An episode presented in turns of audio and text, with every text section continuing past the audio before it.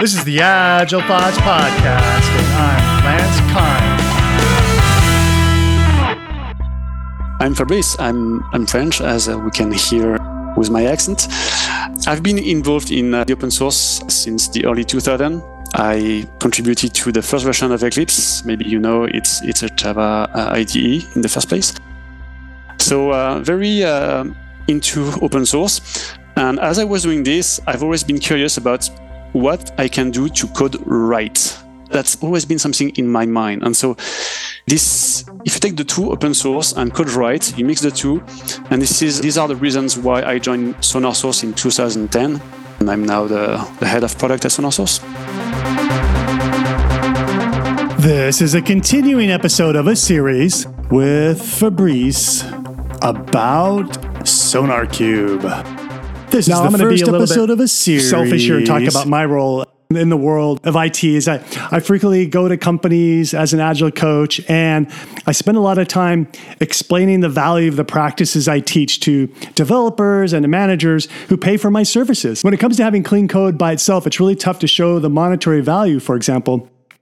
How does improving design or to be solid or not having giant classes or functions, what is the monetary value of that? It's easy to show the cost of me training, so my cost shows up on their on their bill, but it's hard to demonstrate the value within months of training that teams get. Do you have a way to help me out here? Do you have a way that Sonar can express the value? That's a very difficult question. um, if we talk about clean code, the definition we have for clean code is a code that is fit for production and fit for development. So fit for production, I think it's it's quite easy because it, it means code which is reliable, secure. So companies they know how much it's going to cost them if a bug is introduced in production or if security issue is in production. For instance, we know that a $4 million is how much a data breach costs on average in 2022. So you know that if you introduce a vulnerability that can lead to a data breach, you have something that you can put in terms of money in front of this. Mm. Fit for development, it's what you were talking about. It's it's the second part. It's everything in the code that makes the code easy to change in the future. So it has to be readable, understandable, etc., well designed. And this is indeed a lot harder to put some uh, monetary value in front of this. The way I can look at this is to look at some figures. Like, for instance, we know that about 32 hours per month is spent on average for a developer fixing errors. Just because the code is a, not of, of, let's say, good quality. So you can put an amount of money that you are going to lose if your code is not clean. We know that it takes on average 10 days to fix an error post release. So if you fix it earlier, you know that you are going to save this amount of money as well. There are some studies which says that 1.3 trillion dollars is the cost of tech debt in the US in a single year.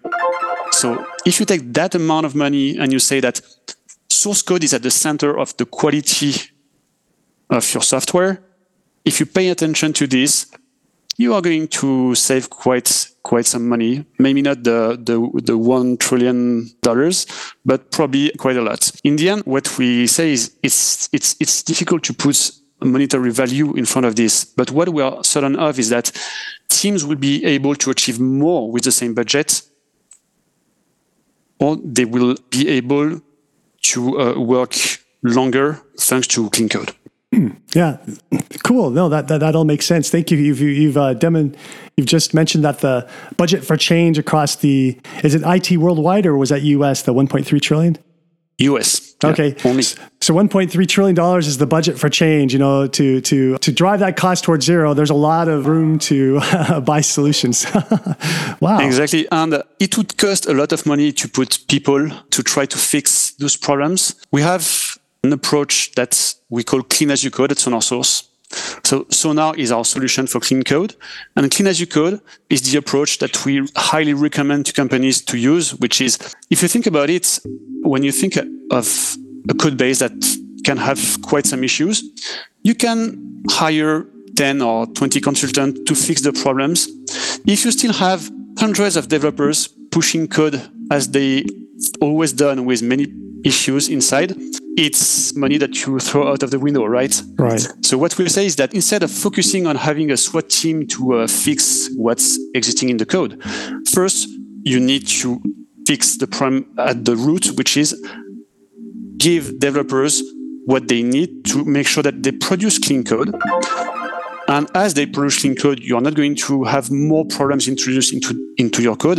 And the benefit of this is that when you are working on a feature, not only you are adding code, but you are touching code to plug that feature right in the source code. So if you make sure that the code you add for the feature and the code that you touch for the feature is clean, gradually you are going to clean your code base without a lot of effort. It doesn't cost more to do clean code in the first place, it costs more to do clean code after the fact.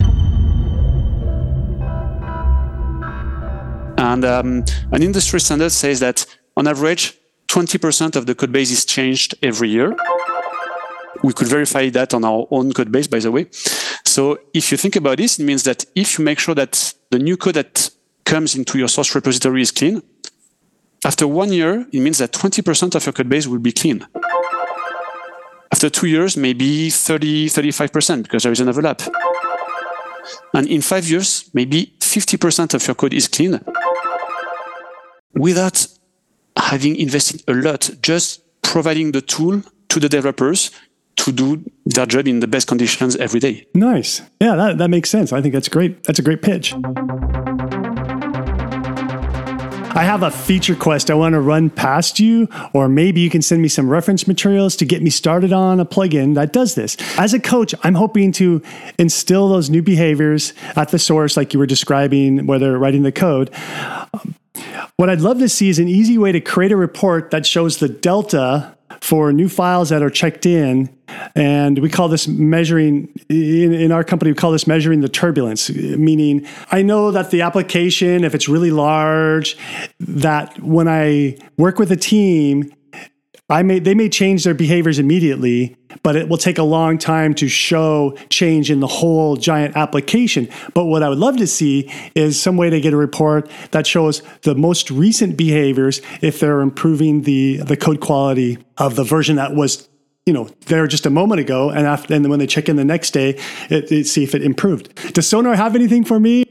If you are training teams to put in place some good practices about the about the code. And if, if they rely on a tool like SonarQube, you will have the ability to see inside SonarQube over time, for instance, a decrease of the number of code smells, an increase of the code coverage. And you will have the, the, the ability to see on a timeline from that moment on where I introduce these uh, practices did my number of issues increase or decrease? Uh, did my uh, coverage increase or decrease? So you will have this kind of feature already available. I would be curious to hear from you once you start playing with this a bit more, whether it meets your needs or, or if you would expect some, some more details about uh, some parts that are missing for you to be able to show to the teams that, hey, yes, the behaviors that you started to change, they have an impact.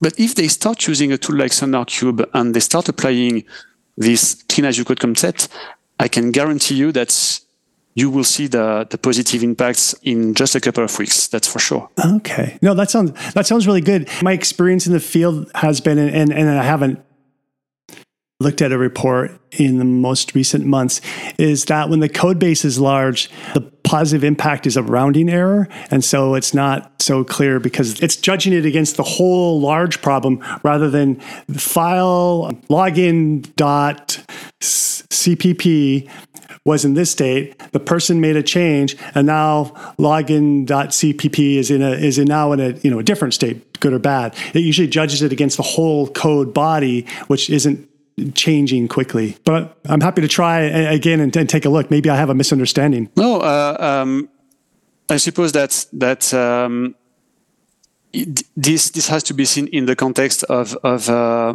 a recurring work with with a team where versions after versions or sprint after sprints you will not look specifically at some files, but you will look at the overall quality of the code, again, using some uh, key metrics, the, the number of issues, the overall technical debt that you will see decreasing. Um, when you install SonarQube, we by default put you in the uh, mindset of looking at the new code mm. to be in the clean as you code uh, mindset. So if you use the product in the way it's it's um, pre-built, chances are that you will fix the problems as you add new code or as you touch uh, some code, and that you can see this uh, in the longer term when you look at the overall code. Cool. Yeah. Thank you for that, for, for the offer. I'll, I'll, take a look and see if I can either uh, correct my understanding and or, or I'll just uh, connect with you and ask more questions. I'm happy to really discuss this uh, with you once you've started using it. Uh, that's that's always very interesting to uh, to hear from new users who discover the products because we are in this, we live this, we've been applying all of this for 10 years we do our best to make sure that in the product it's as uh, straightforward as possible, but we know we can always improve. I'm Fabrice. I'm French, as uh, we can hear with my accent. I've been involved in the open source since the early 2000s. I contributed to the first version of Eclipse. Maybe you know it's it's a Java IDE in the first place. I worked on some Apache Software Foundation projects like Maven, for instance. So uh, very uh, into open source. And as I was doing this, uh, I've always been curious about what I can do to code right. That's always been something in my mind. And so if you take the two open source and code right, you mix the two, and this is these are the reasons why I joined SonarSource in 2010 when the company were very small, we were only five. At this point in time, I was developing like everybody in the company. And quickly I moved to product management for SonarQube first, then for SonarLint. Um, I bootstrapped Sonar cloud in 2017. And in 2019, we created the PM team, and I'm now the, the head of product at SonarSource. I would encourage everybody to uh, install SonarLint if they are a developer. There's no reason to not install SonarLint. It's, as I said, it's the spell checker uh, for developers. It brings a lot of value. To create an account on SonarCloud, very easy to get the first analysis in a couple of minutes and to hear from uh, all of you about your experience, what you liked, what you uh, what you did not like, or what you would like to improve. As a VP of product and a, a product management person, we are always looking for feedback for people whom we can talk to to understand better unmet needs or things that we could improve. So. Um, anyone who tries, please reach out on our community. We have a, a vibrant community with our engineers and product managers who are talking to to users and answering questions. Uh, it will uh, it will be a pleasure to uh, talk about all of that. Check out the show notes. There you will find links back to SonarQube, a way to contact Fabrice and any other exciting information that I can cobble together and provide some value back to you. What are show notes? Show notes zip right into your podcast player if you use such a device. If you don't and you downloaded the MP3, go back to the website where you downloaded this MP3 and you will find the show notes there. This is the last episode with Fabrice Bellingard about SonarQube. The first episode was 231. To find the series page, go to your favorite search engine and type in Lancer, Agile Thoughts, SonarQube.